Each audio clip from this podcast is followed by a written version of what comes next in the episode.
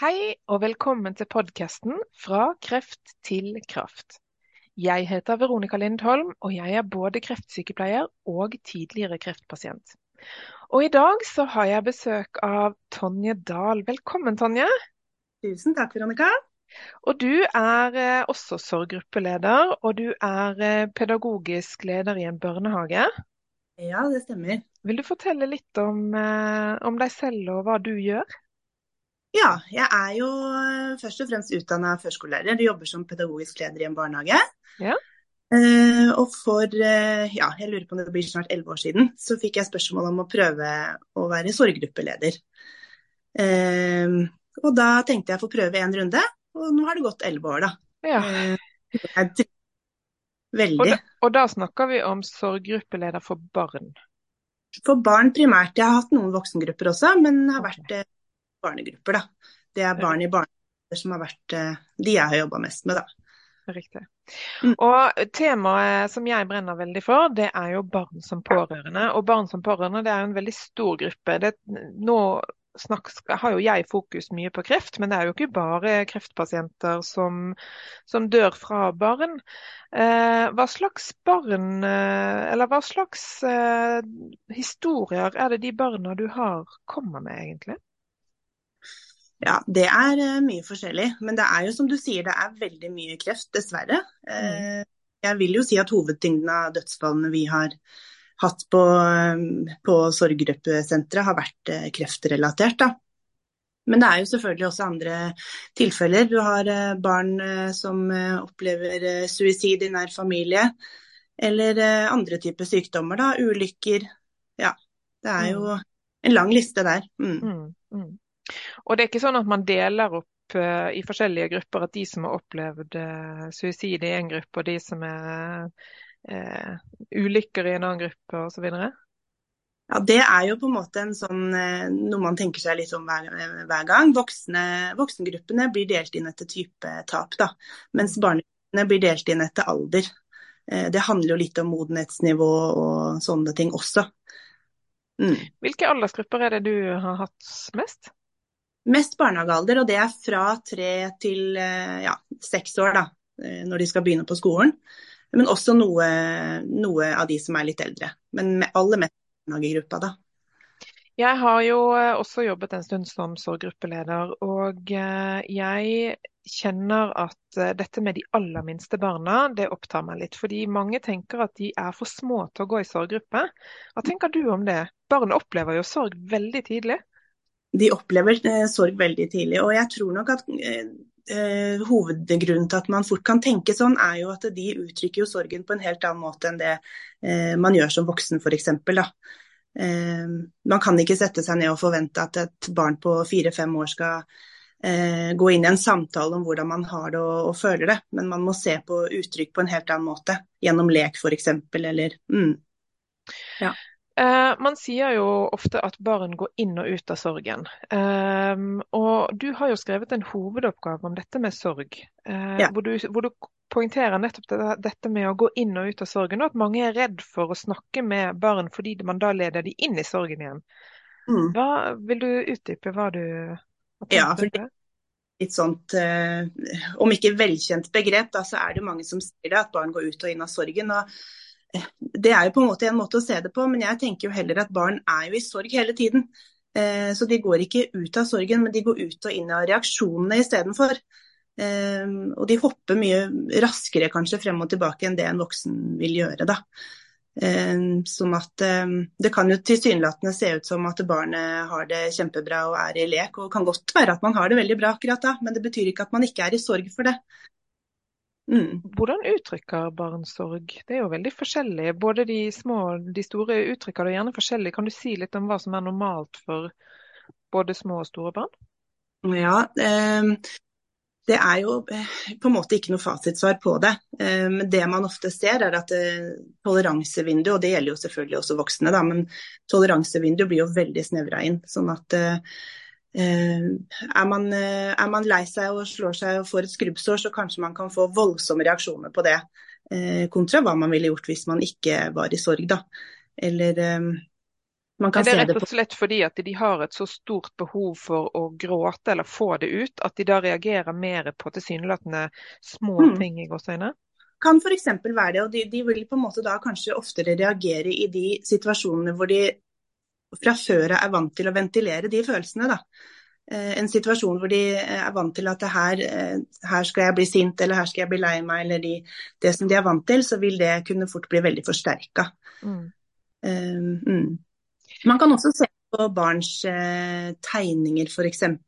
Eh, det er viktig at man er litt sånn lydhør i forhold til eh, å se hva de tegner, og, og ikke bare hva de tegner, men hvordan de tegner. Hvilke farger velger de, er det kraftig bruk av streker, eller Men er ikke det litt utfordrende? Altså, er det ikke stort potensial for å feiltolke også, da? Altså, hvis man som mor eller far opplever at ens barn har en måte å reagere på, kan man da komme til å overtolke at alt blir et uttrykk for sorg, eller er alt fort et uttrykk for sorg?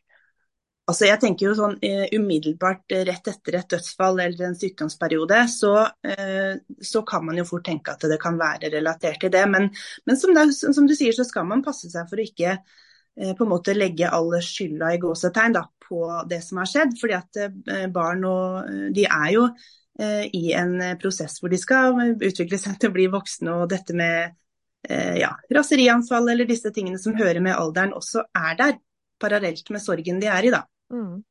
Mm. Du har jo veldig fokus på barnehage. Du jobber i barnehage og, og jobber med de minste barna også i sorggruppe. Men mm. sko, jeg brenner jo veldig for skolebarn. Og jeg har jo selv hatt, selv om ikke jeg er død, så har jo jeg vært syk og dermed hatt et barn som var pårørende i veldig lang tid. Og det jeg opplevde, det var at skolen, og det gjelder sikkert også barnehagen, hadde utrolig lite kompetanse på barnets smerte, barnets smerteuttrykk, og ikke minst hvor langvarig det var. Ja. Hva tenker du om det? Altså fordi mange, Jeg hørte her for ikke så lenge siden noen som også sa at ja, nå har det jo gått et halvt år. Mm. Og jeg kjente oi, det er kanskje så vidt sorgen har fått lov å begynne. Ja. Det er jo faktisk eh, rundt den, eh, den tiden etter et dødsfall at de normalt eller gjennomsnittlig kanskje starter i sorggruppe. Så det er på ingen da, men da er eh, kanskje den første krisefasen over, da. Men selve sorgen kan sitte i lenge, og det er ikke sånn at man skal eh, sette noe tidsperspektiv på det. Eh, det kan være litt farlig, egentlig. men det er, det er, som du sier, det, det, man ofte har beredskap på i barnehager og skoler, er jo hva man gjør umiddelbart etter et dødsfall har skjedd. De første dagene, første ukene. Eh, mens grunnen til at jeg valgte å skrive den oppgaven jeg har gjort, da, det er jo jeg tenkte hvordan skal man jobbe pedagogisk med disse barna over tid? Eh, det var, fant jeg ikke noe om, så det ønska jeg å fordype meg litt i, rett og slett. Da.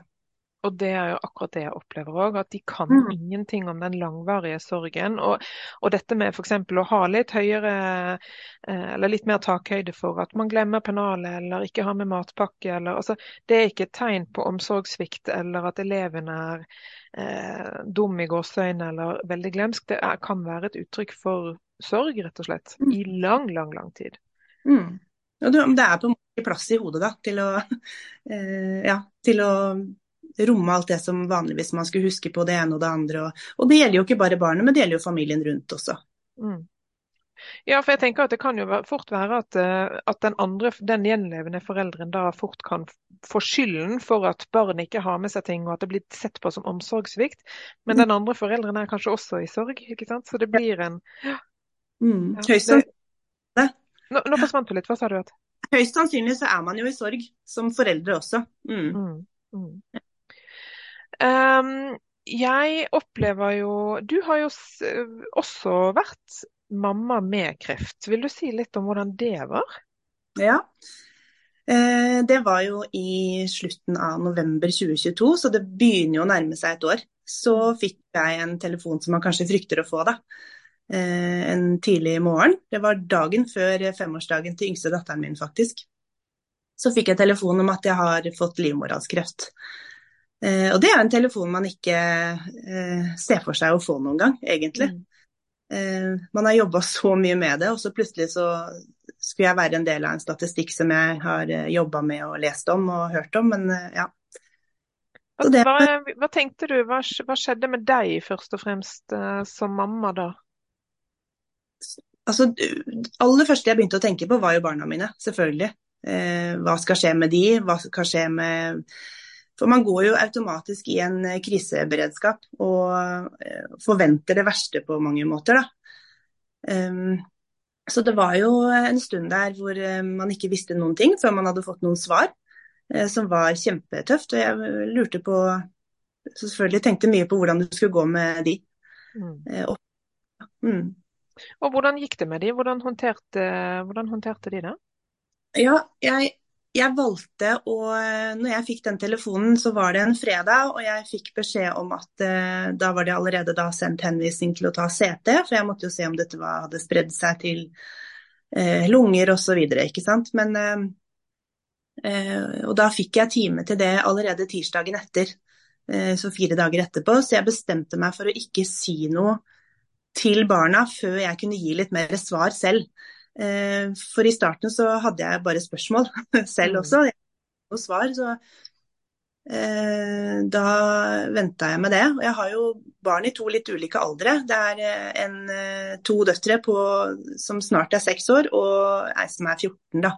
De var jo da 13 og 5 på det tidspunktet.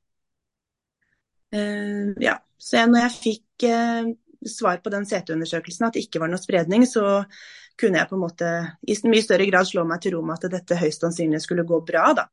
Eh, men, men, hadde de noen reaksjoner på dette, når de da fikk beskjed om at ja, mamma har kreft, men det kommer til å gå bra?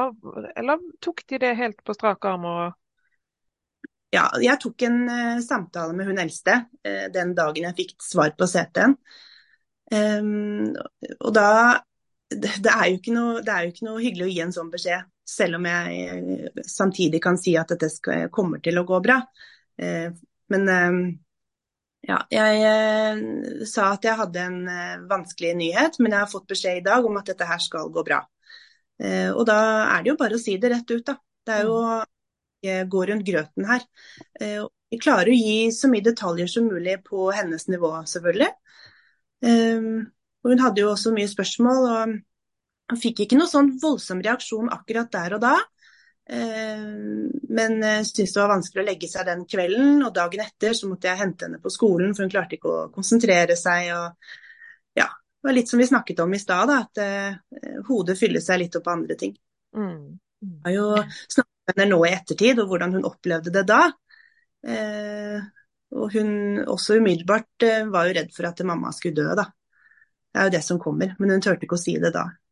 Og det er jo den største frykten for alle barn. Og barn i dag har hørt om kreft, de vet hva kreft er. Så jeg opplever vel at de aller fleste som får beskjed om at en forelder eller søsken har kreft, de tenker død med en gang. Ja, de gjør det. Uh, hun sa Jeg ble redd med en gang, og hun mener at det er et veldig voldsomt ord, da. Og det er det jo. Mm. Uh, og det er det første man tenker på. Mm. Det er det. Men den yngste, da, visste hun hva kreft var, eller? Eh, nei, hun gjorde vel egentlig ikke det. Hun visste at, eh, at mamma var syk i magen.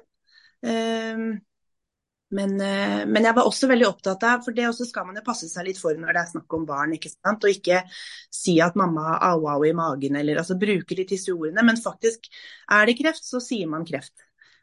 Fordi man er barn og så er jeg vant til at man kan bli syk.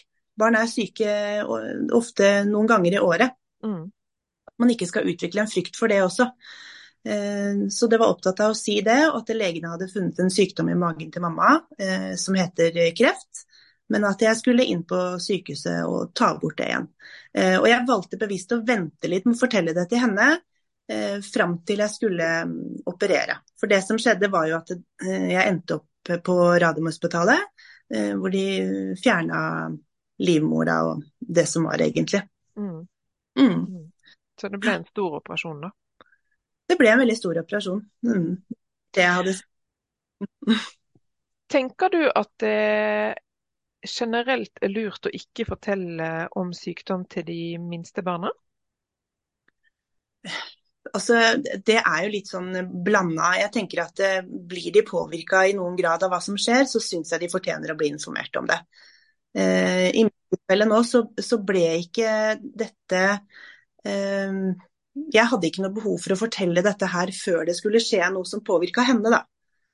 Men, men eh, jeg får jo høre med jevne mellomrom om foreldre som velger å ikke fortelle at uh, det er sykdom til barna sine, og så går det kanskje feil vei. Og så tenker de at ja, men dette merker ikke barnet. Mm. Men i min erfaring er jo at barnet merker veldig, veldig, veldig mye, selv om de ikke har fått vite noen ting. Ja, De merker jo at det er jo ofte en veldig stor sinnsstemning, ikke sant. Eh, og det er flere rundt familiemedlemmer som blir påvirka av dette her. Eh, så jeg tenker jo absolutt at barn eh, trenger å informeres om hva som skjer. Det er noe med at som du sier, så vil barn fort sense at det er noe. Noen velger jo å spørre også, og kanskje da få et svar om at nei, nei, her er alt fint. Men allikevel så vil de forstå noe. Og det barn da gjør, er at de lager seg sin egen sannhet. Og den sannheten er ofte eh, mye verre enn virkeligheten. Mm. Selv om virkeligheten er brutal, da. Mm. Ja, virkeligheten er brutal, men jeg tror ofte at eh, fantasien er, som du sier, mye, mye verre. Mm. Ja. Og, og, dette med ord som du også tok opp nå, det har jeg lyst til å slå et slag for. Ikke bare når det gjelder ordet kreft, men når det gjelder ordet død. Når det gjelder mm. altså, sykehustermer. Jeg husker jeg hadde et eksempel hvor en liten gutt fikk beskjed at hadde, pappa hadde en slange i nesen. Og det er jo selvfølgelig en sånn liten oksygenslange ikke sant, som går en centimeter opp. Men han så jo for seg en anakonda oppi, slangen, oppi nesen til pappa. Ja. Så dette med å bruke riktige ord, eller å bruke et annet eksempel var en som mistet en foreldre, og da brukte de ordet jeg husker ikke om det var mor eller far, hadde reist bort. Mm. Eh, og da blir det å reise bort på ferie f.eks., det blir plutselig farlig. ikke sant? Så dette med å bruke riktige ord, det, mm. det tror jeg er kjempeviktig. Ikke bare når det gjelder kreft, men også når det gjelder død. Ja. Og så har jeg eh, fått tilbakemelding på mange ganger nå at veldig mange barn eller veldig mange voksne sliter med å vite når skal de fortelle barnet sitt at mamma eller pappa eller søsken kommer til å dø. At det går mm. feil vei. Når mm. tenker du man skal fortelle sånne ting? Ja, noen kan jo få en sånn beskjed eh, som voksen, da, og her er det kanskje en måned igjen, f.eks. Eh, mens noen kan få den beskjeden og, og si at du har maks fem år igjen. Eh, så her er det jo eh, Jeg tenker at det ikke er noe fasitsvar på det, men man må jo for det første se på barnas alder og modenhetsnivå. Mm. Eh, det er først når barn er ca. 6-7 år at de har en forståelse om at døden er permanent. Og hva det faktisk innebærer. Da. Men Betyr det at man ikke skal si det til mindre barn? Det kommer, altså, hvis, det er, hvis, døden er nært forestående, så tenker jeg at de skal få lov til å bli informert om det. Det ble gjort en undersøkelse på et tidspunkt hvor det viste seg at de fleste, eller veldig mange barn, nå husker jeg ikke tallene, men veldig mange barn som mister noen som står de veldig nær, de har ikke forstått når døden kommer, at døden skulle komme, selv om de har fått beskjed. Nei. Um, eller at de har fått beskjed for sent. Altså, de har rett og slett ikke oppfattet ok, vedkommende kommer til å dø. Mm. Hvordan kan man avhjelpe den følelsen. For det er jo en veldig reell og vond følelse for et barn.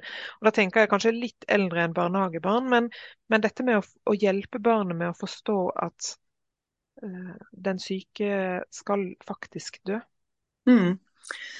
Det er, jo, det er jo ikke så lett å vite hva man skal si. Dette er også veldig individuelt. Da. Eh, men, men det der å prøve å forklare barna forskjellen på at nå er denne personen syk, da er det det og det og det som skjer.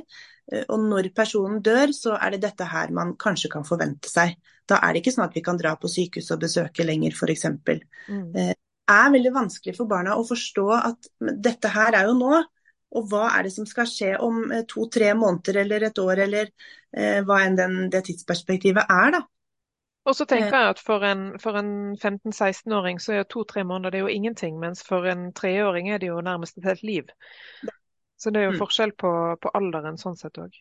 Ja. Eh, jeg tenker at det er jo noe med å ta barna litt med i det som skjer. Eh, få lov til å være litt med på sykehuset. Eh, hvis, hvis det er sykehusinnleggelse, selvsagt. Eller være med på den prosessen. og det også er noe vi snakker mye om i disse sorggruppene. Hvordan at man kan se tilbake på et sykdomsforløp f.eks. Eh, og vi er opptatt av at barn skal få lov til å skape sin egen historie rundt dødsfallet. At ikke historien de husker handler om hva de har blitt fortalt av andre. Mm. Eh, og så er det de husker best fra sykehuset at de fikk is av en sykepleier, så er det det de husker, da. Men da er det i hvert fall dems historie. Mm. Og det, da har de i hvert fall fått lov til å bli med på prosessen. Um, men det skal jo hele tiden skaleres ned til barnas nivå av eh, forståelse på det, selvfølgelig.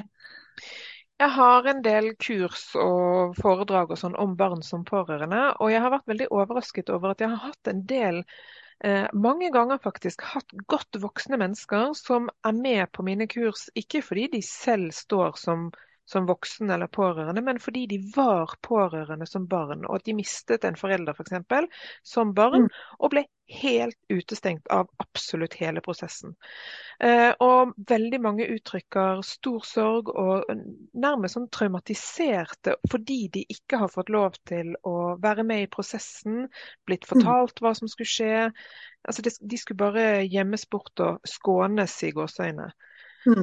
Hva er anbefalingene rundt uh, Hvis vi skal snakke om dødsfall, da. Hva er mm. anbefalingene mm. egentlig nå? Eh, ja, Som du sier, så skal man jo ikke mange år tilbake før, eh, før det var sånn at barn mm. skulle gåsetegn skånes. da. Um, men nå anbefaler vi jo helt klart å ta barna med på, på begravelser f.eks. Og få lov til å være en del av det. Mm. vi har jo selvfølgelig vært borti familier hvor foreldre eller barna av ulike årsaker ikke er med i en begravelse. Og vi ser at de har en hull i denne historien sin, da. Um, ja. Være... Tenker du at Unnskyld. Nei, jeg tenker, prater jo veldig mye om eh, og Det eneste som er sikkert i livet, det er at vi blir født, og så skal vi dø. Det er de to tingene vi vet er helt sikkert. Eh, og vi prater jo så mye om fødsler, spesielt vi kvinner kanskje som har føda selv. Vi kan jo prate om fødsler i og det er et tema vi på en måte aldri blir lei av å prate om. Mens døden derimot, da, som er det andre helt sikre, som også er en ekstremt stor del av livet, det er det så mange som kvier seg for å snakke om. Um, ja. Jeg nå synes jeg ja, og, og nå syns jo jeg vi er inne på noe kjempespennende. For jeg er jo eh, over gjennomsnittet opptatt av døden, faktisk. Um, mm. Og jeg opplever jo når jeg har sorggrupper eller samtaler med barn og for så vidt også voksne, og om døden, så mm. blir de fleste redde. Og jeg ser også det at hvis jeg har eh, andre barn på besøk i mitt hjem, som ikke opplever sykdom eller død i sitt liv, de mm. aner knapt hva døden er.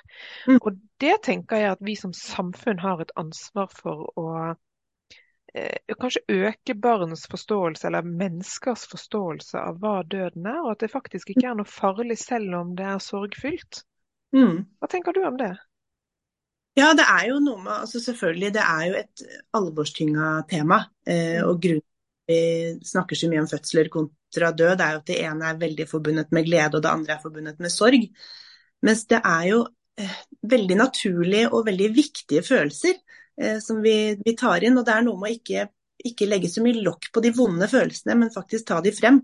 Eh, og anerkjenne at de er der, som en del av livet vårt, rett og slett. Men det, kan det også handle om at vi ikke forstår døden fullt ut? Altså Det er så uhåndgripelig. Altså En baby som blir født er jo veldig fysisk håndgripelig. Men døden er jo ikke det. Døden Nei. er jo veldig forbundet med mye mystikk òg. Mm. Um, det er skummelt, og det er som du sier, en baby blir født, og vi er alle enige om at der ligger den babyen. Eh, men det er veldig delte meninger om hva som skjer etter døden, om det skjer noe i det hele tatt. ikke sant? Og, eh, så det blir jo fort eh, tema for litt uenigheter også. Så kanskje mm. det også kan være en grunn til at noen kvier seg litt for å snakke om det. Er dette ting dere snakker om i sorggruppe hos deg? Eh, vi har jo vært litt borti det eh, og snakka litt om, eh, om, det. Og jeg har jo erfart at barn har veldig ulike, ulike historier på hva som skal skje. Jeg hadde en gruppe en gang, husker jeg, som vi snakka om hva som, hva som, hadde skjedd med foreldrene. Hvor hun ene sier at pappaen min havna under jorda når han døde. Og så er det et annet barn som sier å ja, gjorde han det? Ja, pappaen min kom til himmelen når han døde. Så altså, de hadde veldig ulike tanker om, om, hva som skjedde. Og hun som hadde en pappa eh, som var under jorda, kunne ikke skjønne hvorfor han andre skulle flakse opp i himmelen. ikke sant? Så dette her, det blir jo Ja, det kan jo bli interessante samtaler av det, altså. Mm. Ja, og så tenker jeg det er viktig å ha de samtalene og tørre å snakke om det, for jeg opplever at mange voksne ikke tør. Mm. Ja. Så jeg Det er tenker det å lære Unnskyld. ja. Det er jo det aller viktigste, det er jo å tørre. Eh, å snakke om det. Og det er barn ekstremt sensitive på. Hvis de, eh, de merker at dette er noe de voksne kvier seg for å snakke om, så, eh, så unnlater de å snakke noe videre om det. Spesielt hvis dette er et barn som er i sorg selv. Da. Mm. Mm. Men uh, hvis vi går litt, eh, spoler litt tilbake igjen. Uh, fordi nå snakket vi om det å være med på begravelse og være med som en del av prosessen. Mm. Uh, jeg har fått en del spørsmål om, om det er greit å ta med barnet på syning. Om det kanskje til og med kan være greit å ta med barnet på et veldig sånn lett stell av den døde. F.eks. børste hår eller en liten vaskeklut i, i ansiktet, eller ikke noe sånn stort stell, da, selvfølgelig. Um, og jeg har jo sagt at jeg syns det er veldig fint hvis barnet kan være med på det, så lenge det ikke er uh, skader på personen som blir veldig synlig og sånn. Hva tenker du om det? Jeg tenker jo at det er eh, helt greit så lenge barnet selv vil også. Mm. Uh, Og da er det selvfølgelig veldig, veldig viktig at barnet blir forberedt på hva kommer jeg til å møte når jeg kommer inn i dette rommet. Eh, Er det en, eh, en mor eller far eller søster eller bror sant, som ligger der, så, så vil ikke det være det mennesket som, eh, som det kjente i livet. Det vil se, annerledes ut, og det er viktig å, å helt på detaljnivå tenker jeg, forklare hvordan det kan se ut inne der. Eh, Hvis dette er på et sykehus f.eks., så kan det være lurt å forhøre seg med de som jobber på denne avdelingen, om hva kommer barnet til å møte, og hva er deres anbefalinger. Um, ja, Mm. det, ja. Men barnet skal ikke tvinges til noe man ikke vil fordi foreldrene tenker at det er riktig, i hvert fall. Det er et viktig, veldig viktig poeng, syns jeg. Kjempeviktig poeng. Ja. Men, men det er noe med å ufarliggjøre døden, og jeg opplever det at veldig mange barn i dag, de, den måten de opplever død på i sin hverdag, det er gjennom videospill, det er gjennom TV, det er gjerne groteskt og brutalt og skyting og splash og splett og bang, og at døden kanskje via de kanalene barn i dag ser på, at døden fremstilles som veldig brutal. Mm. Mens mange som opplever, kanskje spesielt i forhold til sykdom, da, kan jo gjerne oppleve at døden kan være veldig fredfull og Mm. veldig stille. Og, og jeg tenker at, at det er viktig å poengtere også for barn at det er faktisk ikke farlig. Um, og så er det selvfølgelig forskjell på å dø, sovne stille inn og dø i en, en ulykke eller på Mm, andre måter. ikke sant? Så, så, men, men for de barna som er forberedt på døden, at, at, at døden faktisk også kan være fredfylt og fin, Mm. det tror jeg mange blir overrasket over. Mm. Så er det jo, og det gjelder jo spesielt hvis det har vært eh, sykdom inne i bildet. Eh, så er jo Det mange kan beskrive da, er jo at sykdomsperioden er jo tøffere enn en perioden etter dødsfallet, på en måte. Mm. For det er mindre turbulent i alle fall. Mm. Mm. Og det bringer meg inn på en eh, Hva sa du nå, du? For mange så kan det jo bli en liten lettelse også. Ja. Eh, det betyr ikke at man ønsker noen død, selvsagt ikke. Men det er, eh, det er et vondt kapittel man kan lukke igjen, da.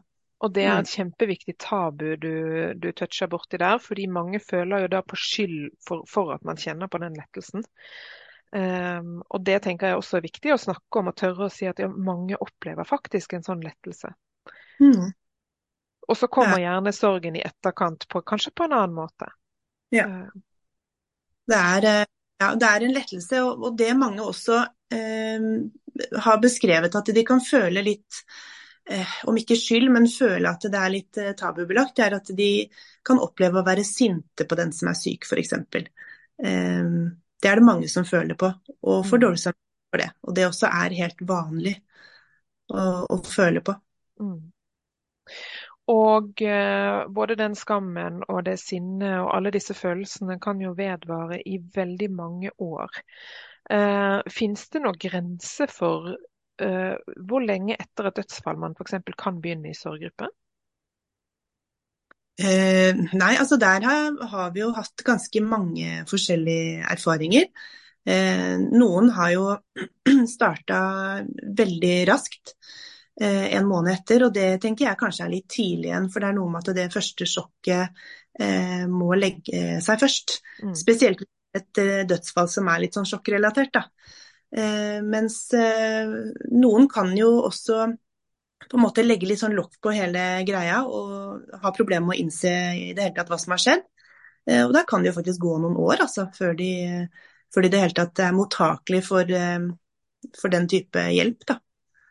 Ja, jeg hadde en gang en ungdom som, som kom syv år etter at uh, far døde. Og det, mm og det var første gang jeg hadde sorggruppe, så jeg husker at jeg ble litt sånn Oi, syv år, det var lenge. Men, men uh, denne ungdommen hadde jo vært for liten til egentlig å ta ordentlig inn over seg hva det ville si. Og så er det jo også noe med at sorg går i faser. Uh, hvis man mister som helt liten, så er det gjerne når man blir eldre at man plutselig forstår hva man har mistet. Mm. Så, så, jeg kjenner at jeg har lyst til å slå et slag for at det, det er ikke for sent å begynne i sorggruppe, selv om det har gått noen år. Og så har jo vi sorggrupper eh, for barn, men så er det voksengrupper også. Hva med de som liksom faller imellom si 18, mellom 18 og noen og 20? da? De er jo sånn midt imellom barn-voksen. Hva med de? Ja, det er, eh, det er jo barnegrupper og ungdomsgrupper. Eh, og også for eh, unge voksne. Og så er det jo alltid, altså Barn er man på en måte til og med 18, eh, eller til 18, da. Og etter det så skal man jo i utgangspunktet kanskje gå i en voksengruppe, men det her gjøres det vurderinger på hver gang man skal sette sammen en gruppe. For det, det, er jo, det, er jo, hensiktsmessig at man skal få noe ut av denne gruppa også. Ja. Mm. Så det kan være at en på 19, 19, år går i den gruppa for de videregående elevene, f.eks. Mm. Um, vi er jo begge to knyttet til et stort sykehus. Um, og det finnes mange store sykehus i Norge, men Norge er et stort land. Mm. Uh, og det bor veldig mange ute i distriktene som kanskje ikke har noen tilknytning til en sorggruppe, i hvert fall ikke som det er mulig å komme til. Altså Det kan være mange timers reisevei. Mm. Hva, har du noen tips eller anbefaling til foreldre som sitter ute i distriktene og kanskje ikke vet hvor skal jeg gjøre av barnet mitt, hvor kan jeg få hjelp til barnet mitt?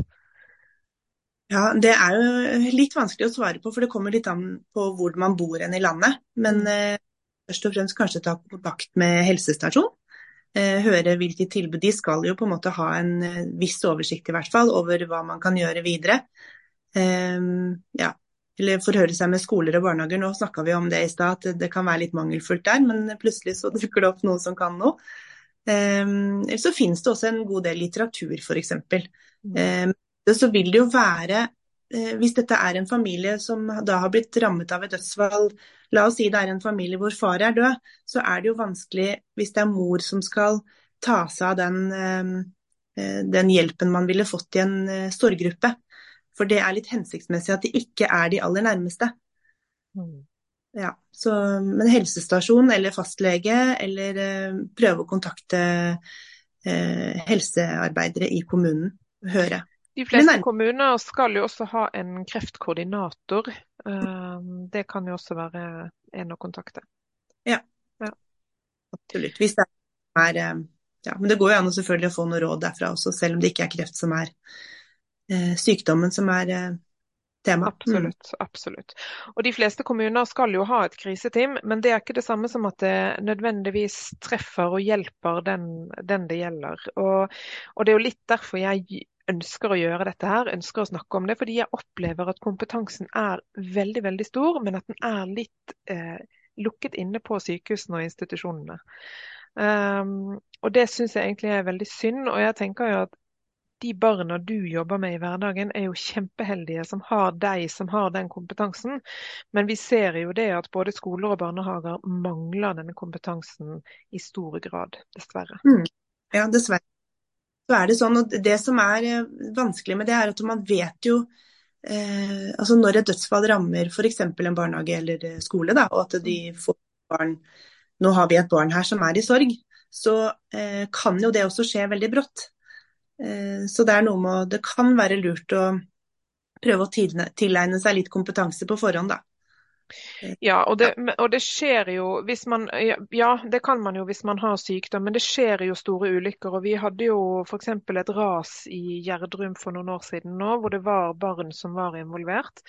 Eh, og at skolen da får hjelp til, eh, og selvfølgelig andre omgivelser, får hjelp til å håndtere da står det en hel gjeng med barn som har mistet en, en klassevenn.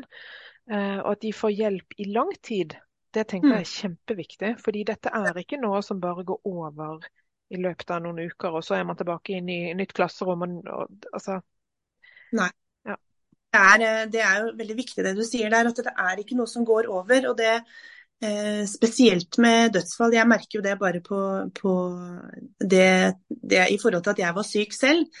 Eh, jeg merker at det, den, de spørsmålene på hvordan jeg har det i forhold til hva som skjedde, de har jo avtatt veldig. Mm. Fordi man tenker nå har jeg på en måte blitt friskmeldt og alt er greit. Eh, mens det har jo gjort noe med meg eh, som person, og det vil jo være en endring som alltid vil være der. Og jeg tenker da, for noen som opplever at det går, ikke går riktig vei, da, eh, så er jo ikke dette her noe som bare går over fort, som du sier. Og eh, det er så viktig at man ikke stopper å spørre. Mm. Eh, og hvordan man har det. Og det å få hjelp til eh, fra kompetente, sånn som sorgsenteret sorgsentre f.eks. Det er kjempeviktig. Mm. Det som kanskje kom litt bak på meg da jeg var syk, det var at reaksjonene til mitt barn egentlig var veldig mye av det samme som de barna jeg møter i sorggruppe som faktisk har mistet foreldre. Sorgen og angsten fylte veldig, veldig mye. Mm. Og veldig mange barn lever jo med, som, som, opplever alvorlig sykdom, lever jo med mye angst. Uh, og det, det, kom nesten litt bakpå meg hvor, hvor likt det var. Mm. Um, hvis man er i en sånn situasjon som du og jeg, da, som heldigvis har blitt friske fra vår uh, kreftsykdom, eh, hvordan kan man hjelpe barn, våre barn til å komme fortere inn i en normal igjen, eller går det kanskje ikke an? Vil de også alltid være forandret? Ja, altså jeg tenker jo, og Det kommer jo litt an på eh, hvor syke de har sett at foreldrene har vært, kan jeg jo godt eh, se for meg. da. Mm. Eh, var jo veldig heldig og slapp jo f.eks. det å se veldig syk ut i form av å miste håret f.eks. Eh, så, og jeg De så ikke meg veldig syk, det var jo selvfølgelig etter operasjonen og sånt nå, men det var ikke eh, at jeg var innlagt på sykehuset for å få behandling i, i lang tid. da. Eh, så de har jo eh, kommet seg gjennom det, men det er, de snakker jo fortsatt eh, om det, spesielt hun eldste som følte det litt mer på kroppen. Det som er viktig å huske på, tenker jeg at sorg er ikke bare forbundet med død. Men det er jo også forbundet med sykdom eller adskillelse, eller hvis et barn mister beste kosedyret sitt, så er det også sorg. Så vi må tenke på at barna til ja, oss da, som har opplevd eh, alvorlig sykdom også, har jo vært i en sorgprosess. Mm. Kjempeviktig poeng. Og min, min, prosess var jo ganske annerledes. Eh, hun, min datter sier at noe av det verste hun husker, det er at jeg lå på badegulvet og skrek av smerte. Og Det var et voldsomt traume for henne. og det er det jo gått tre og et halvt år, og hun snakker fortsatt om det som, som forferdelig skremmende. Mm. Um, og, og, dette med sorg over ikke bare død, men, men, sorg over den mammaen jeg var, som jeg ikke er lenger pga. senskader f.eks. Det er jo også en sorg i det. Og den vekker jo angsten i henne, og for så vidt også i meg fortsatt, når jeg ikke klarer det jeg klarte før. Og det tror jeg gjelder mange kreftpasienter som kanskje har blitt friske, mm. men som er veldig preget av det de har vært igjennom, på, på ulik måte selvfølgelig. Så ja. man skal ikke kimse av hvor lang tid det tar, og hvor og hva som trigger denne sorgen og denne angsten. Mm. Eh. Man må nok erfare noen ganger, jeg merka jo det på meg, at så fort jeg fikk litt vondt i magen, eh, så trigga det noe i meg. Da, det har jeg aldri, jeg har aldri vært noe hypokonder eller noe redd for at jeg trodde at jeg har vært veldig syk før. Mens da kom de tankene at nå er det noe skikkelig galt igjen. Eh, så jeg måtte erfare det noen ganger, at eh, OK, nå har jeg vondt i magen eh, av en eller annen årsak. Eh, og at det nå går det, det går bra.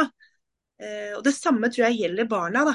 Eh, og Jo sykere de har sett foreldrene sine, jo flere ganger trenger du erfare at, at OK, nå er de syke, men nå går det bra. Nå var det bare en forkjølelse, eller nå var det bare noe annet ufarlig. da. Og Da har jeg lyst til å trekke frem min egen historie igjen. fordi at Jeg var veldig preget også før jeg fikk diagnosen, og lå mye på sofaen og hadde mye smerter. Og Den dag i dag, hvis jeg legger meg på sofaen, så får jeg spørsmål har du kreft. Det er det første ja. som kommer. For det trigger en reaksjon hos henne. i at oi, det var jo sånn det så ut når mamma var alvorlig syk. og ja. Mm. Eh, og Det er nå tre og et halvt år siden, og fortsatt sitter det så sterkt i henne. Så man skal ikke kimse av hvor sterkt kanskje små ting påvirker. Og Det kan være lyder, det kan være lukter. Det kan være at, at bare det å gå inn på et sykehus har skapt en slags sykehusangst for et barn. Ikke fordi det, det selv har opplevd noe smertefullt på sykehuset, men fordi de har sett mor eller far eller søsken i en, mm. i en veldig sårbar og smertefull situasjon. Ja, og de har jo på en måte fått noen erfaringer som eh, mange barn heldigvis da, eh, mm. ikke har fått. Eh, I forhold til at vi kan ikke eh, vi kan ikke bare gå foran og sy puter under barna og si at uh, dette her kom, alt kommer til å gå bra, alt kommer til å gå bra. Fordi at de har erfart at vet du hva, det er ikke alltid de gjør det. Mm. Mange barn som, som, er pårørende opplever en veldig ensomhet. Både, både i, når de har syke familiemedlemmer, men, men også etter et dødsfall, fordi venner ikke har forutsetninger for å forstå hva som faktisk har skjedd. Og det tror jeg mange lider under, denne følelsen av ensomhet. Ja, det er, og det er jo eh, noe som jeg tenker er veldig veldig fint med å ha disse gruppene. Mm. Eh, det er en arena hvor de får uh, kommet sammen med andre som faktisk forstår. Uh, ja. Det er jo, og det er jo uh, ikke fordi barn og venner eller de på skolen ikke ønsker å vite, men de, de, har ikke de forutsetningene som de sier for å forstå det helt. Mm. Det er klart at for, for et barn som mister mor eller far, så er det hele verden deres akkurat der og da. Det er det eneste som, som har noe å si som eneste som opptar dem. Mens for venner på skolen så er det bare en del av det livet de lever. Mm. Mm. Det var fint sagt. Mm.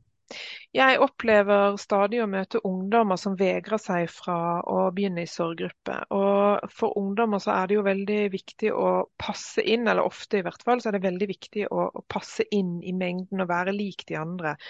Uh, og jeg opplever igjen og igjen at ungdommer sier nei takk, eller vil ikke, eller vegrer seg. Hva, hva, er din erfaring med ungdommer som allikevel kanskje til og med blir tvunget inn i sorggruppe? Mm. Det er litt blanda, eh, men det vi har sett er at veldig mange endrer seg etter å ha vært der én gang. Eh, fordi at de, de, ser at det, er, det var liksom ikke så eh, farlig da, å være med på det. Selvfølgelig gruer man seg, og det, det gjør jo alle som skal starte i gruppe, enten de er barnehagebarn eller eh, ungdom eller, eh, eller godt voksne. Mm. Det er så skummelt, og du, du, vet at nå skal jeg eh, møte vidt, eh, altså helt ukjente mennesker, og jeg skal snakke om det mest eh, sårbare i meg. så det er jo ikke noe man bare gjør i en håndvending. Man må virkelig tenke seg om. Men, men vi har sett at veldig mange av de gruer seg. Noen, noen ser vi ikke igjen, dessverre, men de aller, aller fleste eh, dukker opp hver gang. Mm. Får... Så, et tips, eh, ja. så et tips til foreldre det kan være å få dem til å komme én gang, og så la de velge deretter. ja. ja. Og så er det, er det, jo ikke sånn at man eh, eh, Første gang man er der, så starter man i gruppe. Man har jo enkeltsamtaler først, så man får litt forberedelser, da. Mm. Mm. Det kan vel kanskje variere litt fra, fra sted til sted Unnskyld, og, og, sykehus til sykehus. Men jeg har lyst til, vi har snakket ganske lenge nå. Jeg har lyst til å, å høre med deg. Hvis man ikke bor i nærheten av et sykehus som har tilbud om sorggruppe, fins det andre arenaer, kirker f.eks., som har sorggrupper som er tilsvarende som, som eh, sykehusene har?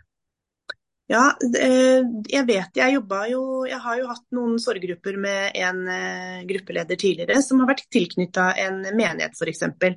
Eh, og har eh, drevet sorggrupper eh, gjennom det. Så det er jo en mulighet.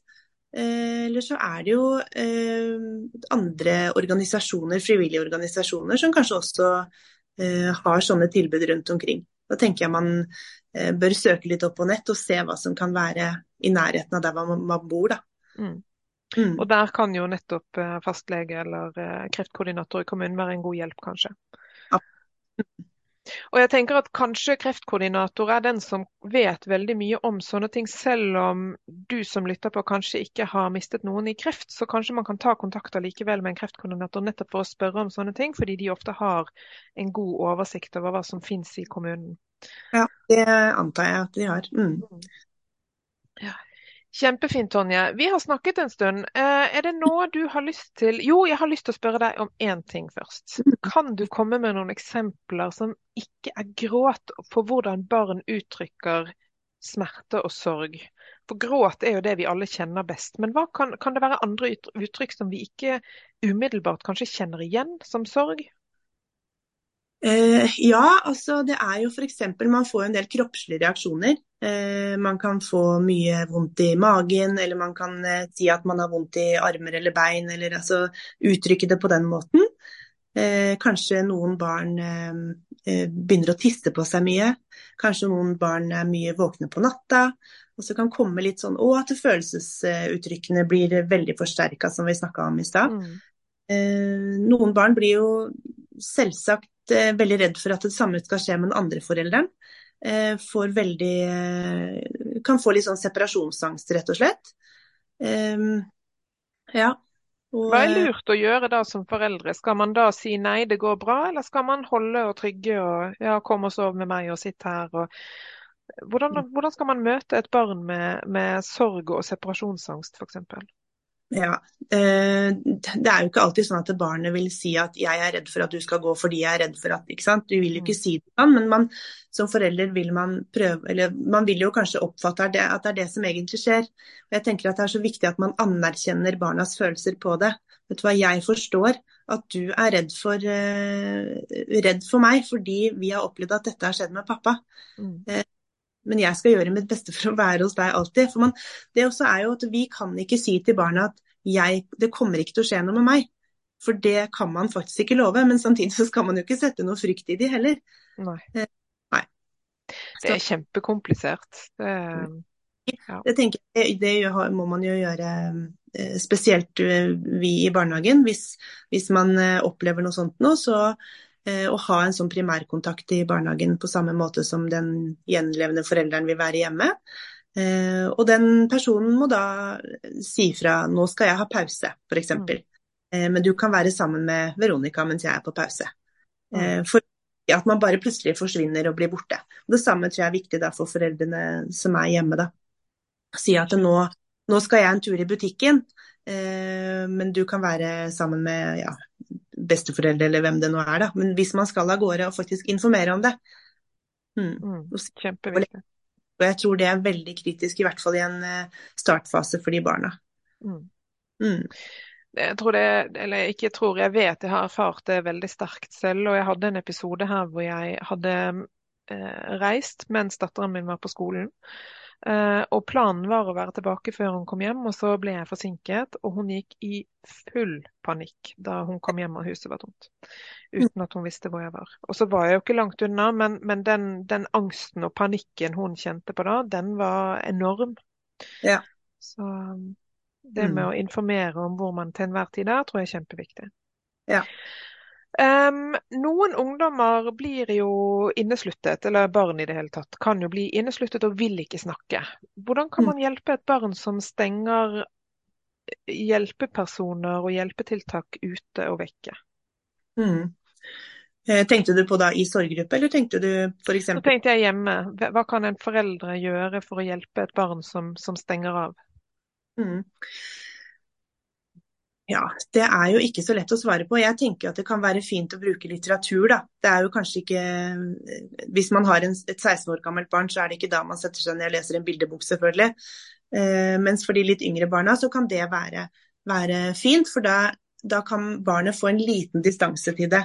At man heller leser om eh, Det finnes jo masse litteratur om dødsfall, f.eks. Mm. Og leser annet barn. Eh, og man kan ha en samtale om hvordan, hvordan tror du dette barnet har det. Og da vil jo det barnet ditt bruke sine egne erfaringer og egne følelser for å beskrive det. Da vil man kunne få en pekepinn på det, da. Mm.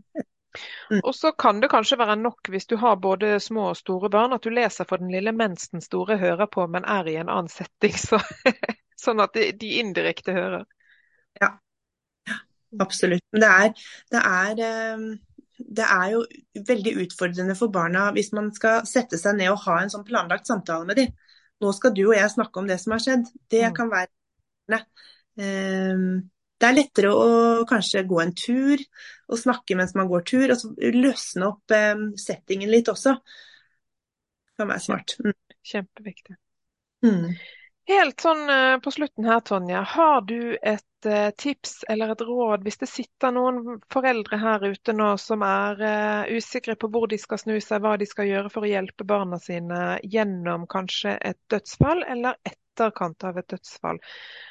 Hva kan være et, et godt tips eller råd? Mm. Det er som vi snakka om i stad, å ta barna med på prosessen. ikke stenge de. Eh, la de få være Det handler om at barna også skal føle at de er en viktig del av hva som skjer, for det er de absolutt. Eh, og er det vanskelig, så skal man rådføre seg. Eh, ja. Det er mange som er klare for å hjelpe, da. Heldigvis. Heldigvis. Mm. Det fins veldig mye kunnskap, og det er veldig mange som har god, god erfaring med dette her, så søk hjelp. Mm. Mm. Tusen hjertelig takk, Tonje. Det var eh, nydelige råd og tips og eh, informasjon og kunnskap du kom med. Jeg tenker at eh, de barna som får være i nærheten av deg, er kjempeheldige. Jo, takk for det. Det var hyggelig sagt. Men eh, takk for at du kom. Bare hyggelig. Ha det bra. Ha det.